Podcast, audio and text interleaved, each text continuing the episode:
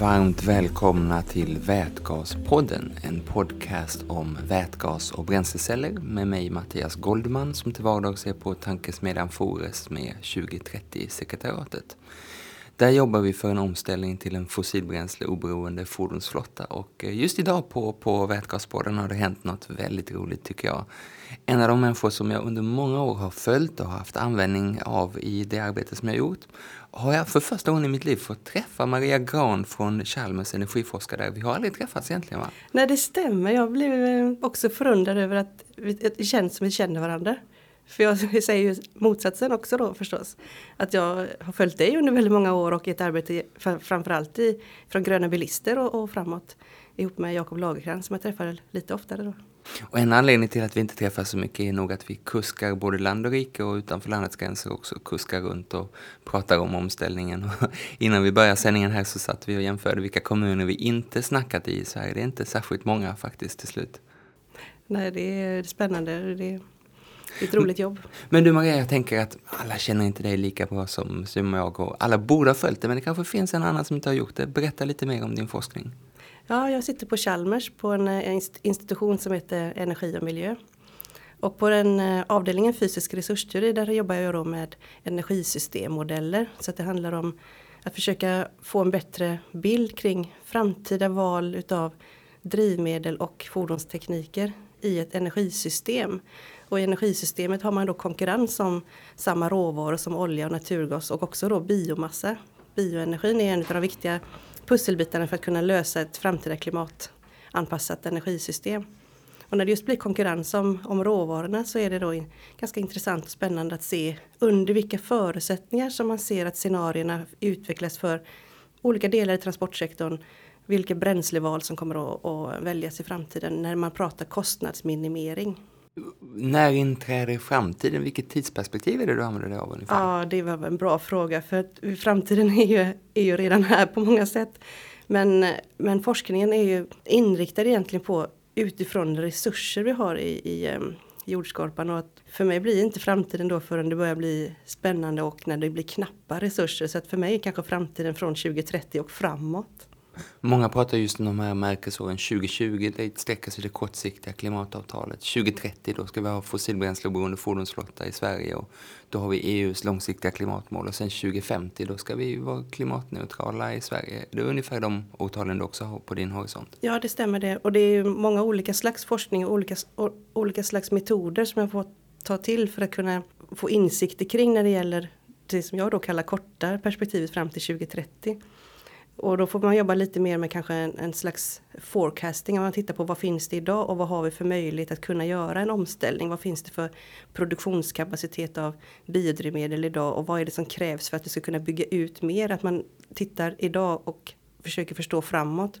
Men den huvudsakliga eh, forskningen handlar mer om att försöka eh, se de stora sambanden mellan energisektorer och då kan man inte se på nära håll när, man, när det, drivkraften i modellen handlar om just när oljan blir knapp eller när bioenergin har expanderat så mycket att vi inte kan expandera mer. Så att det blir två olika perspektiv men det är spännande forskning båda två, absolut. I min tidigare roll som politiker så märkte jag att man ofta lutar sig mot internationella energiorganets prognoser, IEAs.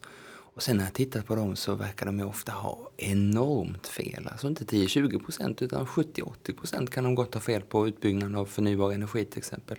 Hur, hur gör man för att hamna ens någorlunda rätt när man sitter och klurar på hur framtiden ser ut? Ja, det är en jättebra fråga och det viktigaste är väl att vi försöker inte att hitta sanningen utan vi försöker att förstå sambanden och just det under vilka förutsättningar som man ser att en utveckling går åt ena hållet eller andra hållet.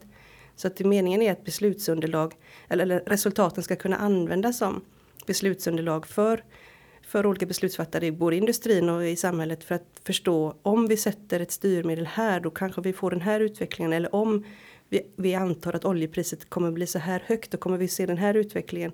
Eller om vi sätter klimatmål som visar att hela världen måste nå tvågradersmålet eh, 2070 eller om vi kan vänta till senare. Någonstans finns det eh, så många olika framtida antaganden som gör att om man bara har en förståelse för hur begränsad är bioenergin? Hur kan vi, mycket kan vi se? Hur kommer bränslecellspriserna att bli? Hur kommer batteripriserna bli? Och så skruvar vi på de här parametrarna och försöker liksom just förklara och, och förstå att ja, men om vi får väldigt billiga batteripriser, men då kommer antagligen utvecklingen gå åt det här hållet. Kommer bränslecellen eller vätgaslagringen att kunna få en bättre bild i, i nära framtid eller i längre framtid så kommer vi kanske se den här utvecklingen. Så att man försöker liksom inte ringa in det här är sanningen, det här är framtiden utan att förstå hur mekanismerna påverkar varandra i ett stort energisystemperspektiv. Där man just konkurrerar om samma råvaror. Och det är det som är, är spännande tycker jag. Men man ser att bioenergi går till olika sektorer beroende på vad vi har för utveckling av sånt som man kanske tyckte var helt irrelevant. Om man, om man får Ehm, carbon capture and storage är alltså en teknik att fånga in koldioxid. Men den är inte storskaligt tillgänglig idag. Men om den tekniken kommer till så kan man se helt andra resultat i transportsektorn. Fastän man inte sätter carbon capture and storage technologies på transportsektorn. Utan det sätter man på elproduktion.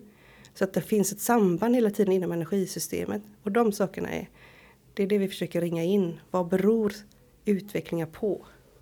Och nu är jag lite orolig att du i dubbel bemärkelse tycker att det är lite snävt att sitta här på vätgaspodden. Dels därför att vi ju mest snackar Sverige trots allt och dels därför att det är vätgas som du hör som är huvudtemat. Och du tittar på hela världen och alla bränsle och energisystem. Jo men det är, det är en viktig del.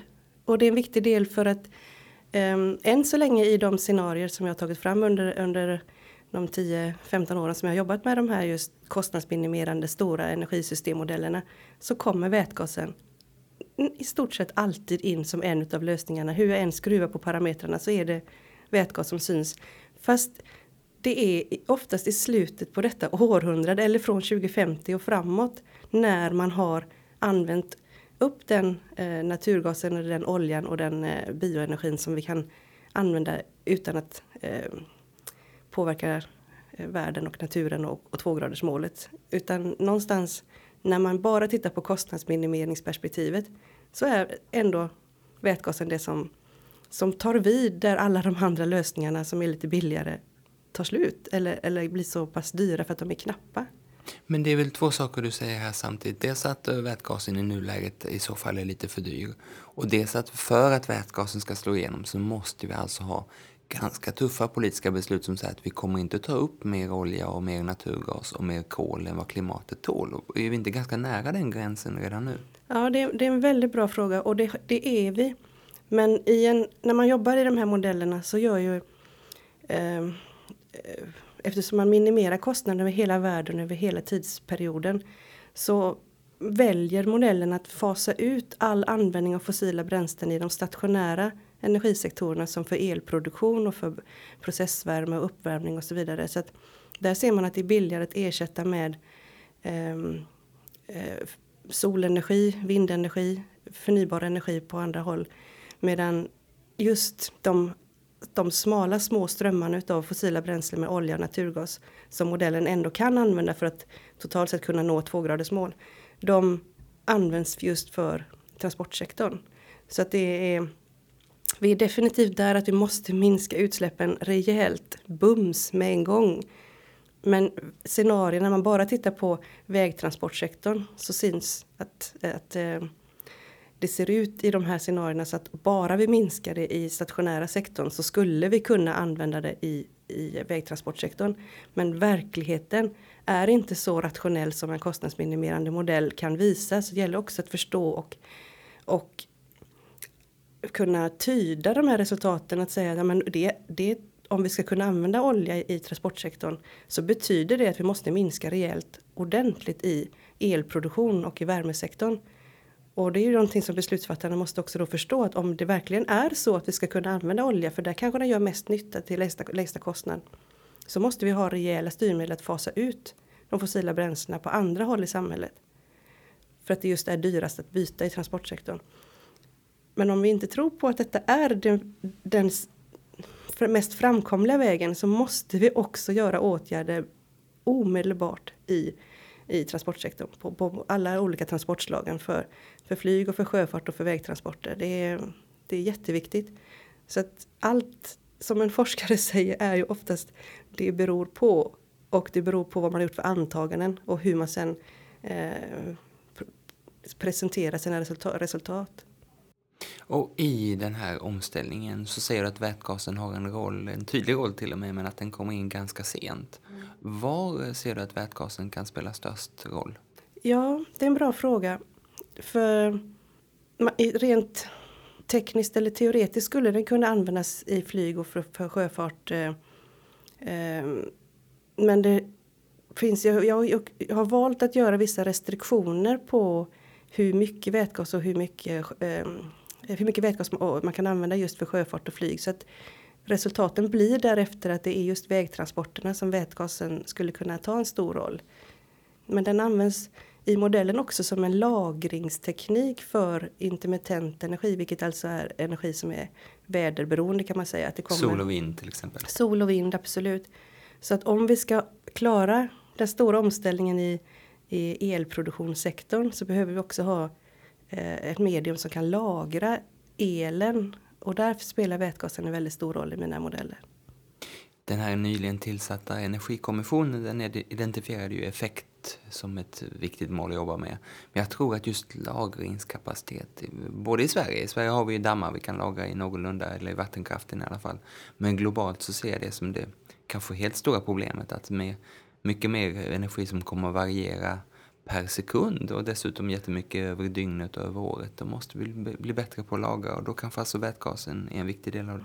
Ja, det är absolut en viktig del utav det. Och det diskuteras ju ganska mycket som du säger hur man ska lagra och vilken, hur lång tid man behöver lagra. För ska du bara lagra några få sekunder så är det kanske lättare att lagra det i, i svänghjul, i, i andra, helt andra tekniker, i, i kapacitatorer och så vidare. Men när man ska lagra på lite längre sikt, om man ska ha det under veckovis eller kanske månadsvis, så är, då har vi inte så jättemånga olika alternativ att välja mellan. Men det skulle kunna vara att man pumpar upp vatten i dammar eller att vi komprimerar luft, men också att omvandla elen då till vätgas. Och sen finns det också tankar kring att men om nu vätgasen i sig har vissa utmaningar när det gäller lagring eller också distributionen av vätgasen så kanske vi också ska göra om vätgasen till något flytande. Alltså att använda överskottskoldioxid ihop med eh, vätgasen för att eh, producera metanol till exempel eller metan eller något annat som vi har bättre kunskap kring hur vi kan lagra det och så lite under längre tid. Jag önskar att jag förstod det fullt ut men det finns ju några stora vindkraftverk i Nordsjön nu där man eh, gör om eh, elen från vindkraften till syntesgas som hamnar i det tyska gasnätet där det kan lagras i alla fall, i alla fall ett par veckor och då sprida ut det här eh, att det plötsligt blåser jättemycket och sen inte blåser alls. Så, så det verkar ju vara på väg åt det hållet. Ja men det är precis det jag menar. Det är precis den. Och, och jag, det finns många olika namn på den eh, lagringstekniken eller den eh, omvandlingstekniken och i Tyskland kallar man det för power to gas, från el till gas. Eh, när jag själv eh, pratade om det och, och, studerade så kallade jag det för elektrobränslen. Och det gjorde också FFF-utredningen som då alltså är den här som stora utredningen eh, utredning som har gjorts från regeringsinitiativ. Eh, så att det fanns en underlagsrapport som handlar just om hur gör vi elektrobränslen på ett lämpligt sätt och vilken roll skulle det kunna eh, fylla i svensk transportsektor i framtiden. Och när du tittar på vätgasen framöver och de olika användningsområdena, de olika sätten att använda vätgas. Hur stor del av den här potentialen är just det här att använda det som ett sätt att lagra energi? Ja, det, det, det är en bra fråga.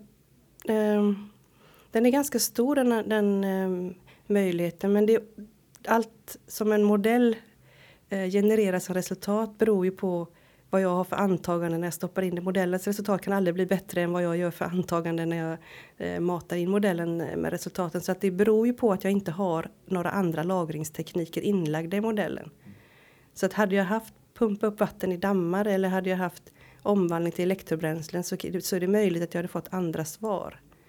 Men i dagsläget så som modellen är uppbyggd nu med dess möjligheter och också begränsningar så, så är vätgasen eh, Eh, Eh, den viktigaste lagringstekniken, absolut. Eller den enda lagringstekniken och då också väldigt viktig i samband med att vi ska eh, ställa om e-, e-, elsektorn då mot till exempel solenergi.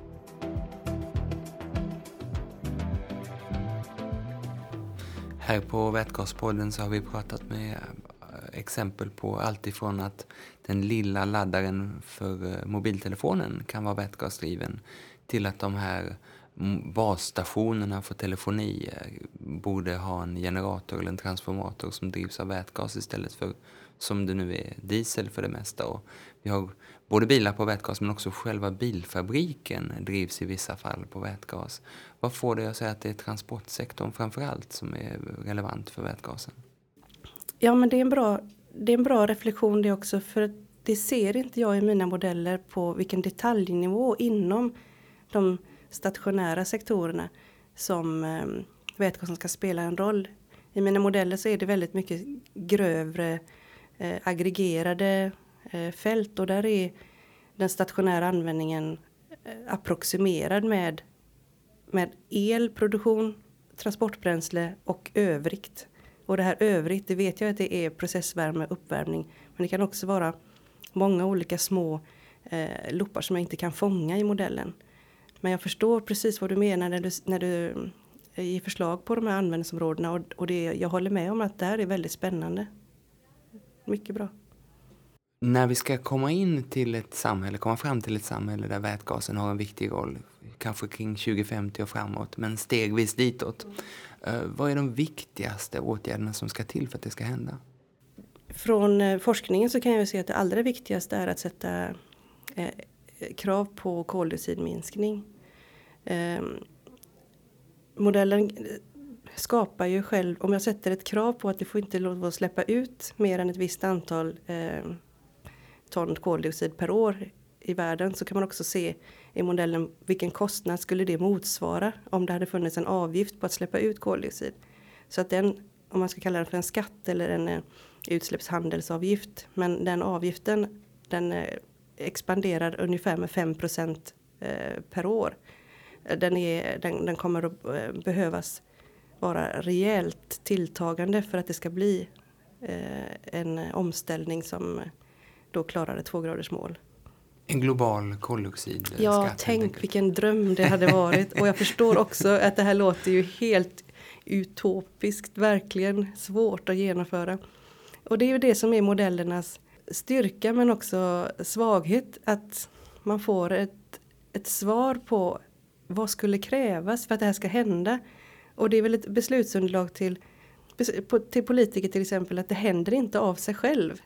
Utan att man måste vara modig och stark och våga verkligen föreslå de här eh, avgifterna på att släppa ut fossilt koldioxid. För att saker och ting ska hända.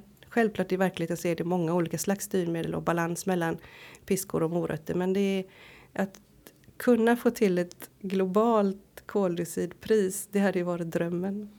Jag visste att jag gillade det, men jag visste inte att jag gillade det så mycket. Därför att, därför att det är ju väldigt sällan som beteendefrågan kommer in. Inte minst från er som har teknisk utgångspunkt. Och den här FFF-utredningen som du nämnde, alltså fossilbränslefri fordonsflotta, som sen blev fossilbränsleoberoende, men utredningen hette så i alla fall.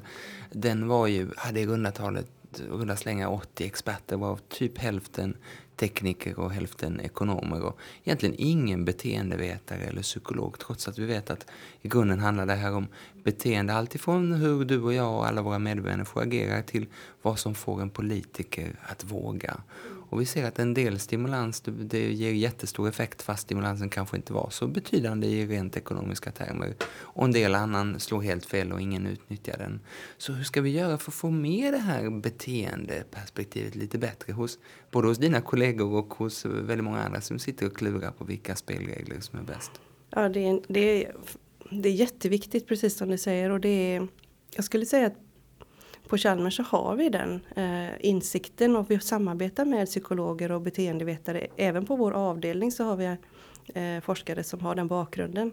För att just kunna kombinera och förstå vikten av hur får vi människor att välja en bilpool istället för att ha ett eget fordon? Eller hur får vi dem att välja ny teknik om de nu tycker att ny teknik skulle vara en väg framåt? Vad, vad görs skillnaden någonstans? Det kan inte göras eh, för mycket med just inflytande från beteendevetare och hur man kan göra det. Jag är lite osäker bara själv eftersom jag då är ifrån det tekniska perspektivet själv hur man verkligen jobbar mot eh, styrmedel som har med beteendeförändring att göra. Men det handlar väl om att man informerar och upplyser och, och, och ger eh, subventioner till eh, personer som väljer att åka kollektivt eller cykla och, och höjer avgifter och gör det lite besvärligare för de som använder teknik som vi inte önskar jag tror det visar sig att hur man utformar styrmedlen har jättestor betydelse. Vi hade ju, förut hade vi ju uh, en miljöbilspremie på 10 000 spänn. Sen tog man bort den och ersatte den med fem års fordonsskattebefrielse som för en snåldiesel lätt kan vara också 10 000 spänn. Men när man fick 10 000 kronor av staten i en premie, i, i, i liksom brevlådan låg pengarna i ovikta sedlar i princip. Då sprang ju folk benen av sig för att mm. få de där pengarna. Men, men nu fem års fordonsskattebefrielse, det är en icke-fråga och ingen som bryr sig om. Så hur man utformar den där stimulansen tror jag har jättestor betydelse. Och det verkar våra politiker fortfarande vara nybörjare på. Jag tror att vi behöver lära oss mycket mer av gå ner, gå ner på närmsta storhandel och titta mm. hur de stötexponerar vissa varor och hur de gör för att lyfta fram. Det här nudging-begreppet som ja. ju handeln har känt till i 50 år men som politikerna först vaknar och miljörörelsen först vaknar till nu. Jag har absolut fullt förtroende för att det finns så mycket olika saker att göra men att jag själv inte besitter den kunskapen hur man gör. Du ska men, bara kolla på hela världen och alla dess energisystem. Exakt, det blir en liten, liten uppgift.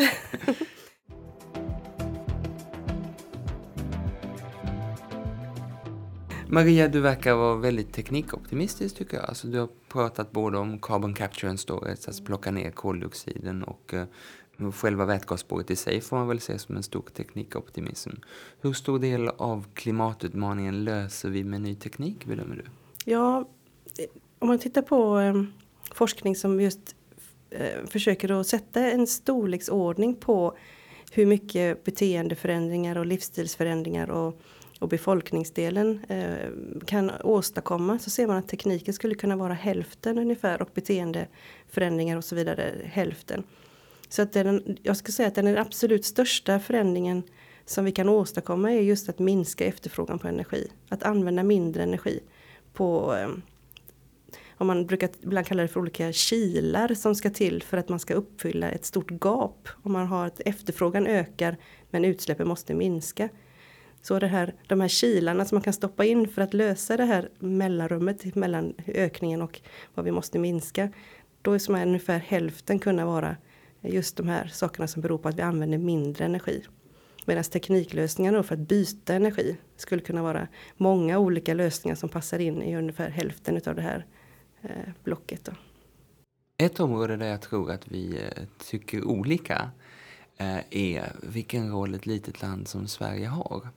Jag tänker ju, och det var därför vi startade 2030-sekretariatet, att som litet land så är det strunt samma vad vi gör på klimatområdet förrän vi gör någonting som alla andra vill ta efter. Och det ser jag på en del andra småländer. Danmark bestämdes för att bli bäst i världen på vindkraft och det har haft global betydelse. Norge, trots att det är kallt och backigt och att de inte har någon fordonsindustri, bestämde sig för att vara bäst i världen på elbilar. Och det betyder att inget land kan påstå att det inte går att ställa om till elbilar, för kan Norge så kan alla.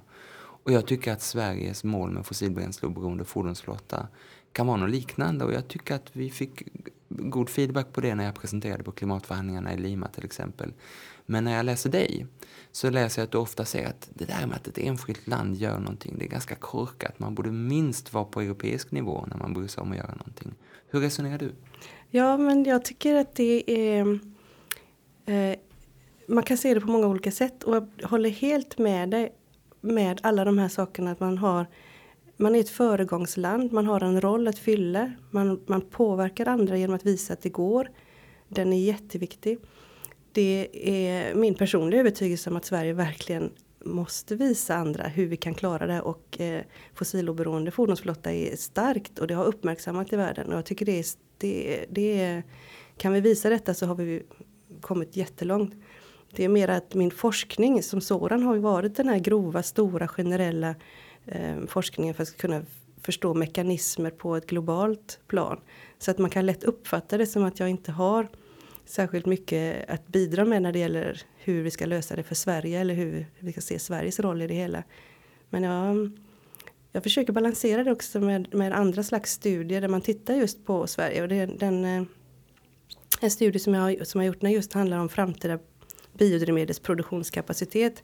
Där, där släppte vi helt och hållet det globala perspektivet och försökte verkligen börja från eh, eh kontroll, kontroll av vad, vad görs idag och hur snabbt skulle det kunna byggas ut. Vi försöker intervjua och förstå eh, vad gör aktörerna idag och vad beror det på om de skulle kunna expandera sin verksamhet. Så att min forskning är eh, först och främst de här stora globala. Men eh, jag tycker det är spännande med Sverige. Och, och, och, det svenska målet som ju dels den förra regeringen tog fram och den nya regeringen har ställt sig bakom.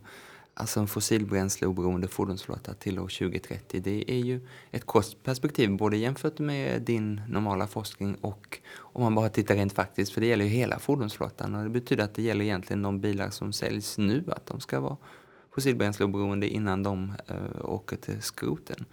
Vad krävs för att nå ett så här radikalt mål? Det, det viktigaste är att man får eh, minskat energiefterfrågan. Fortsätter vi att öka efterfrågan på energi till transportsektorn så, så är min uppfattning att då kommer vi inte klara det. Det kommer inte fungera. Men vi har tillräckligt mycket med resurser i Sverige och vi skulle kunna möjligtvis komplettera och importera en så pass stor mängd så att vi skulle kunna ha en eh, vägtransportsektor kanske runt en tredjedel storleks av energiefterfrågan som vi har idag. Om vi, hela transportsektorn ligger kanske runt 100 terawattimmar men tittar man på scenarierna från FFF-utredningen och andra utredningar så ser man att det finns potential att kunna minska efterfrågan till kanske 30 terawattimmar. Om man tar, en, en, tar bort två tredjedelar av energiefterfrågan genom att just göra de här förändringarna kring beteenden, kring eh, olika nya effektivare sätt att transportera vårt gods på så har vi en mycket mindre andel energi som vi i så fall ska ha som är in, eh, utan fossilberoende. Och det, det, fixar vi. Det kan vi, det kan vi fixa. De studierna som jag just pratade om när vi försöker att gå ifrån dagsläget och framåt i, i tiden. Eh, de visar att vi skulle kanske kunna producera svensk eh, bioenergi till transportsektorn. Ett stort spann men mellan kanske 13 och 26 terawattimmar och då är vi nästan hemma. Men en liten del elektrifiering till det så, så skulle vi lätt kunna klara de målen. Lätt är det förstås inte men vi skulle kunna klara de målen eh, utifrån ett just potentialperspektiv som FFF-utredningen målar upp. Utmaningen handlar om att just minska efterfrågan utav energi. På personbilssidan så är jag övertygad om att det där är ganska lätt egentligen. Om vi backar bandet tio år så var den mest sålda bilen en Volvo V70 som drog 0,9. Nu är det mest hålla bilen en Volvo V70 som ser likadan ut på nästan alla sätt. Va? Den har blivit lite säkrare och lite snabbare. Men den drar hälften. Och när man ser den bilen så är det ingen som tänker att det där är tekniskt fulländat. Utan minst en halvering till är det klart vi kan göra. Och sen kommer vi nog köra mindre bil därför att det finns andra sätt att kommunicera. Och jag frågar min dotter om hon inte ska träffa sina kompisar. Hon sitter med mobilen och säger att det gör jag ju pappa. Så att man kommer att mötas på andra sätt i framtiden. Men på den tunga sidan så tycker jag det ser tuffare ut. Alltså lagret har flyttat ut på vägarna. Mer och mer gods går tyvärr på lastbil och lastbilarna har kanske betydligt mindre potential att bli effektivare. Hur ser du på det? Det finns väldigt mycket saker att göra när det gäller godstransporter. Och Eh, det finns en utmaning och svårighet där eftersom det är många olika aktörer och det är många olika eh, det är svårt att ibland samordna eh, transporterna med godstransporter för att man har så kort om tid för att leverera. Man har ett löfte till kunden att man ska komma i en viss tid. Man har ett litet fönster där man ska leverera för att hela logistikkedjan ska kunna fungera för, för alla parter. Men jag tror att nyckeln där handlar om att öka förståelsen för att man skulle kunna leverera vid andra tidpunkter. Att man skulle kunna ta sig tid att samköra ihop med sina konkurrenter. Att man lastar bilarna verkligen eh, på ett smartare sätt. Och eh, den potentialen är, tycker jag, stor. Att titta på hur man kan effektivisera och förbättra i logistikkedjan. Och också sen om, om vi lyckas att bygga ut kapaciteten på järnväg så kommer det bli mer attraktivt att kunna köra större delar utav våra gods på både sjö och på sjöfarten och, eh, och järnvägstransporter. Så det finns mycket att göra där. En, en positiv sak med transportsektorn det är att de är väldigt känsliga för priser. Så att så fort man har minsta vinst eh, eh, att göra så är, är de aktörerna mycket duktigare på att reagera på styrmedel än vad privatpersoner är som det är inblandat mycket mera status och känslor i, i beslut man tar när det gäller valet av eh, fordon. I Sverige har vi ju just nu fyra vätgasbilar och ett företag, Hyundai, som säljer vätgasbilar på den svenska marknaden. I det här 2030-målet, vilken, vätgas, vilken roll ser du att vätgasen har? Jag eh, har svårt att bedöma det när, när man tittar så pass nära. För det, jag har inte forskat på det så mycket när det gäller 2030. Men, men min känsla är att den här eh, utbyggnadstakten som vi har när det gäller vindkraft och också förhoppningsvis när det gäller eh, solenergi. Det kommer att göra att det skapar behov av lagring utav överskottsel. Och när vi väl har tagit de besluten att vätgas är ett smart sätt att lagra överskottsel. Då tror jag att det uppstår marknader och möjligheter som vi kanske inte just ser idag. Men att vätgasen kommer i samband med att vi bygger ut vindkraften. Det är en sån eh, känsla jag har. Sen är det inte säkert att om man nu har tänkt att vätgasen skulle vara ett sätt att lagra el för att sen återföra den till el igen. Eller så uppstår det med innovativa eh, processer däremellan att, att eh, men vätgasen skulle vi faktiskt kunna använda och inte bara återföra till el igen utan att just eh, få ut den i, i transportsektorn eller då kanske också omvandla vätgasen till eh, eh metanol eller metan för att få en, en energibärare som är enklare att distribuera och lagra. Jag, jag lärde mig här på Vätgaspodden att eh, vi har vätgas som restprodukt från industrin för många tusen bilar som egentligen inte används till någonting alls idag. Så där borde man ju kunna börja i alla fall. Absolut. Och sen är det spännande med vindkraften. Vi har ju då drygt 10 terawattimmar vind per år i Sverige med ett mål på 30 terawatt till år 2020. Eller ram egentligen, men populärt uttryckt ett mål. Och det där um, känns som en rimlig grej att göra när man har eh, långa kuster och ganska glesbefolkat. Och när vinden kommer ju att vara jättemycket mer eh, vissa dagar än andra. Då kanske just Sverige är ett sånt land som borde satsa rätt mycket på vätgas som en, ett lagringssätt för den här vinddelen. Ja, där, där, där, känner jag att det skulle kunna vara det som avgör hur stort vätgasen eller möjligtvis elektrobränslen skulle kunna bli.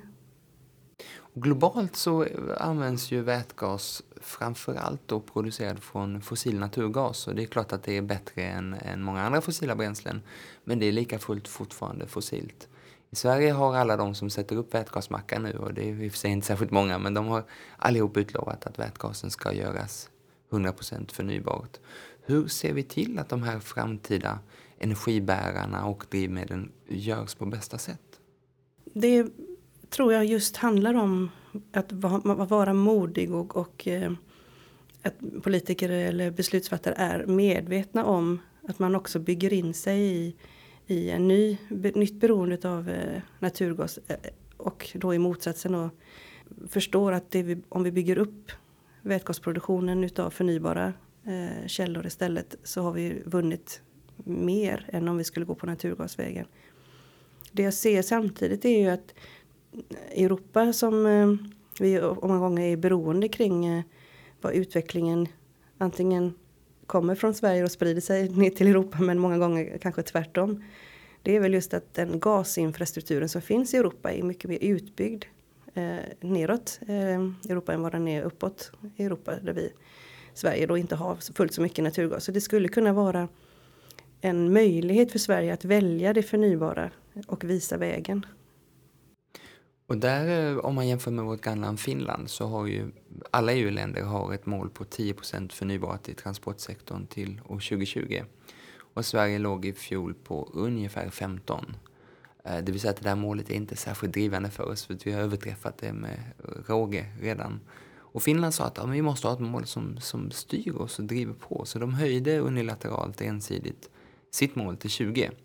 Och Sverige har i alla fall medan vi sitter här fortfarande inte gjort det, utan vi har ett mål som vi eh, kraftigt avstannande ändå klarar. Vad är vikten av att ha tuffa mål från politiken? Alltså, vikt, det är jättestort eh, drivkraft att man behöver uppfylla mål. Jag tror att just målen när det handlar om förnybar, förnybara drivmedel i transportsektorn. Jag vet inte om det är den som driver Sverige framåt. Jag tror att vi har andra mål. Vi vill på något sätt göra mer ändå. När det handlar om eh, fossiloberoende fordonsflotta så är den inte driven av EUs mål på 10 procent eh, eh, förnybart utan det, det har, vi har större ambitionsnivåer eh, ändå. Och ett 2050 utan nettoutsläpp av koldioxid överhuvudtaget. Det är ju eh, en drivkraft som många forskare tar vara på men också många kommuner siktar mot. Så att, eh, jag vet inte hur viktig den är för oss. Jag skulle också vilja kanske säga att 10% förnybara drivmedel 2020 för alla medlemsstater i EU det är ett stort mål. Alltså det, det, det kan vara sånt som driver också stora mängder import ifrån länder som producerar kanske inte så Alltså, jag vet att EU, vi måste ju ha certifierade och vi ska, vi liksom ska vara noggranna med vilken slags bioenergi som vi in, importerar. Men det är än så länge ganska enkelt för länder som eh, kan åstadkomma just de certifierade strömmarna biodrivmedel som går till Europa men att man expanderar eh, mycket utav eh, sina naturmarker med avskogning och så vidare. För det låter kunna... som att du tänker på palmolja och liknande. Ja, palmolja i, i Sydostasien. Det kan vara etanol från eh, Sydamerika. Jag tror vi ska vara försiktiga med att sätta för tuffa mål som inte är en plan på hur vi ska uppnå. Jag är, jag är lite oroad över, över stora ambitiösa mål på hela EU-nivå när det gäller det här med just hur många procent förnybara drivmedel det är. För att det, det kan vara någonting vi ångrar sen när vi ser resultaten över hur vi tvingades gå tillväga för att uppfylla de här målen. Men är det inte då att man bör ha de här tuffa målen men man bör ha tuffa hållbarhetsmål för produktionen också? Ja, men världen är kanske inte så enkel att hela produktionen är certifierad eller, eller uppfylls på ett bra sätt utan den som vi importerar till Europa som ställer de här kraven kan man förstås hoppas på att det verkligen fungerar men det är inte så eh, enkelt. Det är lika mycket eller kanske ännu mer utav palmolje, biodiesel som går till andra regioner som inte har certifieringskrav. Och det är klart man inte ska hindras eller, eller känna sig hand, handlingsförlamad utav eh, hur andra länder uppfyller sina eh, hållbarhetsmål eller inte. Men jag, jag själv känner mig ganska oroad över framfarten av avskogning och eh, odling på torvmark eh, när det gäller eh, biodiversitetsfrågor och eh, utsläppen ifrån torvmarker är ju större många gånger än om man skulle använda fossila bränslen. Min stora oro där är ju att eh, den diskussion som vi ändå har om biodrivmedel och transporter den har vi inte alls när vi använder samma sockerrör till kaffet, till sockret till kaffet eller när vi använder stora området för, för palmolja och för soja är ju dels att stoppa in i djuren som sen hamnar på vår tallrik och dels att stoppa in i produkter som margarin och liknande. Och där finns ju ingen hållbarhetsdiskussion alls trots Nej. att vi har hållit på med det här i 15-20 år på mm. biodrivmedelssidan. Precis det och det är det, det är det som gör mig lite bekymrad eller ganska mycket bekymrad över det är, mm, marker som, som producerar bioenergi varje gång man tar ny mark i anspråk så betyder det ändå att om man inte samtidigt minskar någon annanstans så kommer det att förflyttas. Det är lite indirekta effekter från ökad markanvändning. Och ehm, när jag ser drivkrafter för att inte bara för att göra biodrivmedel till transportsektorn men för att öka mängden bioenergi i världen så finns det såklart potentialrapporter som säger att vi kan inte öka mer än vad vi har redan idag men en del säger att vi skulle kunna öka femdubbla den produktionen vi har idag kanske ännu mer utan att eh, världen skulle ta skada utav det. Men jag är själv oroad över effekterna på jordklotet om vi eh, massproducerar bioenergi och det ökar i väldigt snabb takt. Så att just det här med att vi i Europa nu har valt att kalla det för förnybara bränslen istället för biodrivmedel gör mig lite bättre eh, till mods för då kan det ingå vätgas, det kan ingå elektrobränslen, det kan ingå elektrifiering. Att vi kan använda tekniker som då inte har samma belastning på våra skogar och eh, åkermarker i världen. Och det där är en av de häftiga delarna med vätgasen tycker jag. Att den går ju på att producera på så väldigt många olika sätt. Det kan vara ett sätt att laga vindkraft och solenergi. Det kan också vara ett sätt att använda eh, smart producerade biobränslen från avfall och omvandla dem. Och då kan man ju ha en applikation, om det nu är en bil eller om det är en stationär generator eh, som går egentligen på en väldig massa olika bränslen men allt omformat till vätgas. Ja, det är absolut en av de stora, stora vinsterna och det jag brukar själv säga att ju mindre bioenergi vi behöver för att klara våra klimatmål. Jag tycker fortfarande att klimatmålet är ett av de allra viktigaste eh, målen att nå. Och ju mindre bioenergi vi behöver för att klara klimatmålen desto bättre. Vilket då innebär att kan vi lösa vår transportsektor med andra energibärare som vätgas, som el eller som elektrobränslen så eh, ska jag känna mig mindre oroad. Då blir jag bara glad. När eh, den nya klimat och miljöministern tillträdde så sa hon att det här målet med en fossilbränsleoberoende fordonsflotta det var inte tufft nog. Vi ska nå en fossilbränslefri fordonsflotta. Hur ser du på skillnaden däremellan och var, var går gränsen för hur mycket man pallar som enskilt land? Mm. Jag tror att till det målet vi har satt upp för 2030 där vi då eh, har eh, definierat det kanske minus 80 procent jämfört med dagens nivå eller eh, jämfört med 1990. Den, den, eh, den är tuff och jag tror att det, är det blir alldeles för, för dyrt om vi verkligen skulle skrota ut alla fordon som i så fall inte skulle kunna köra 2030. Jag ser att det är det är inte bra för miljön av, av en annan anledning heller utan att man har kapitalförstöring på det sättet. Så att jag tycker att det, det, ska vara realistiskt att kunna nå det och det är oerhört tufft att nå fossiloberoende. Men att vi sen har ett mål 2050 som handlar om att vi ska ha utan nettoutsläpp av koldioxid i alla sektorer. Det är ju ett starkt, starkt mål. Och då behöver man också vara medveten om att då har vi inga bilar som ska gå på fossila bränslen. Eller möjligtvis att man kompenserar det på ett sätt så att man får nettoutsläpp som är noll.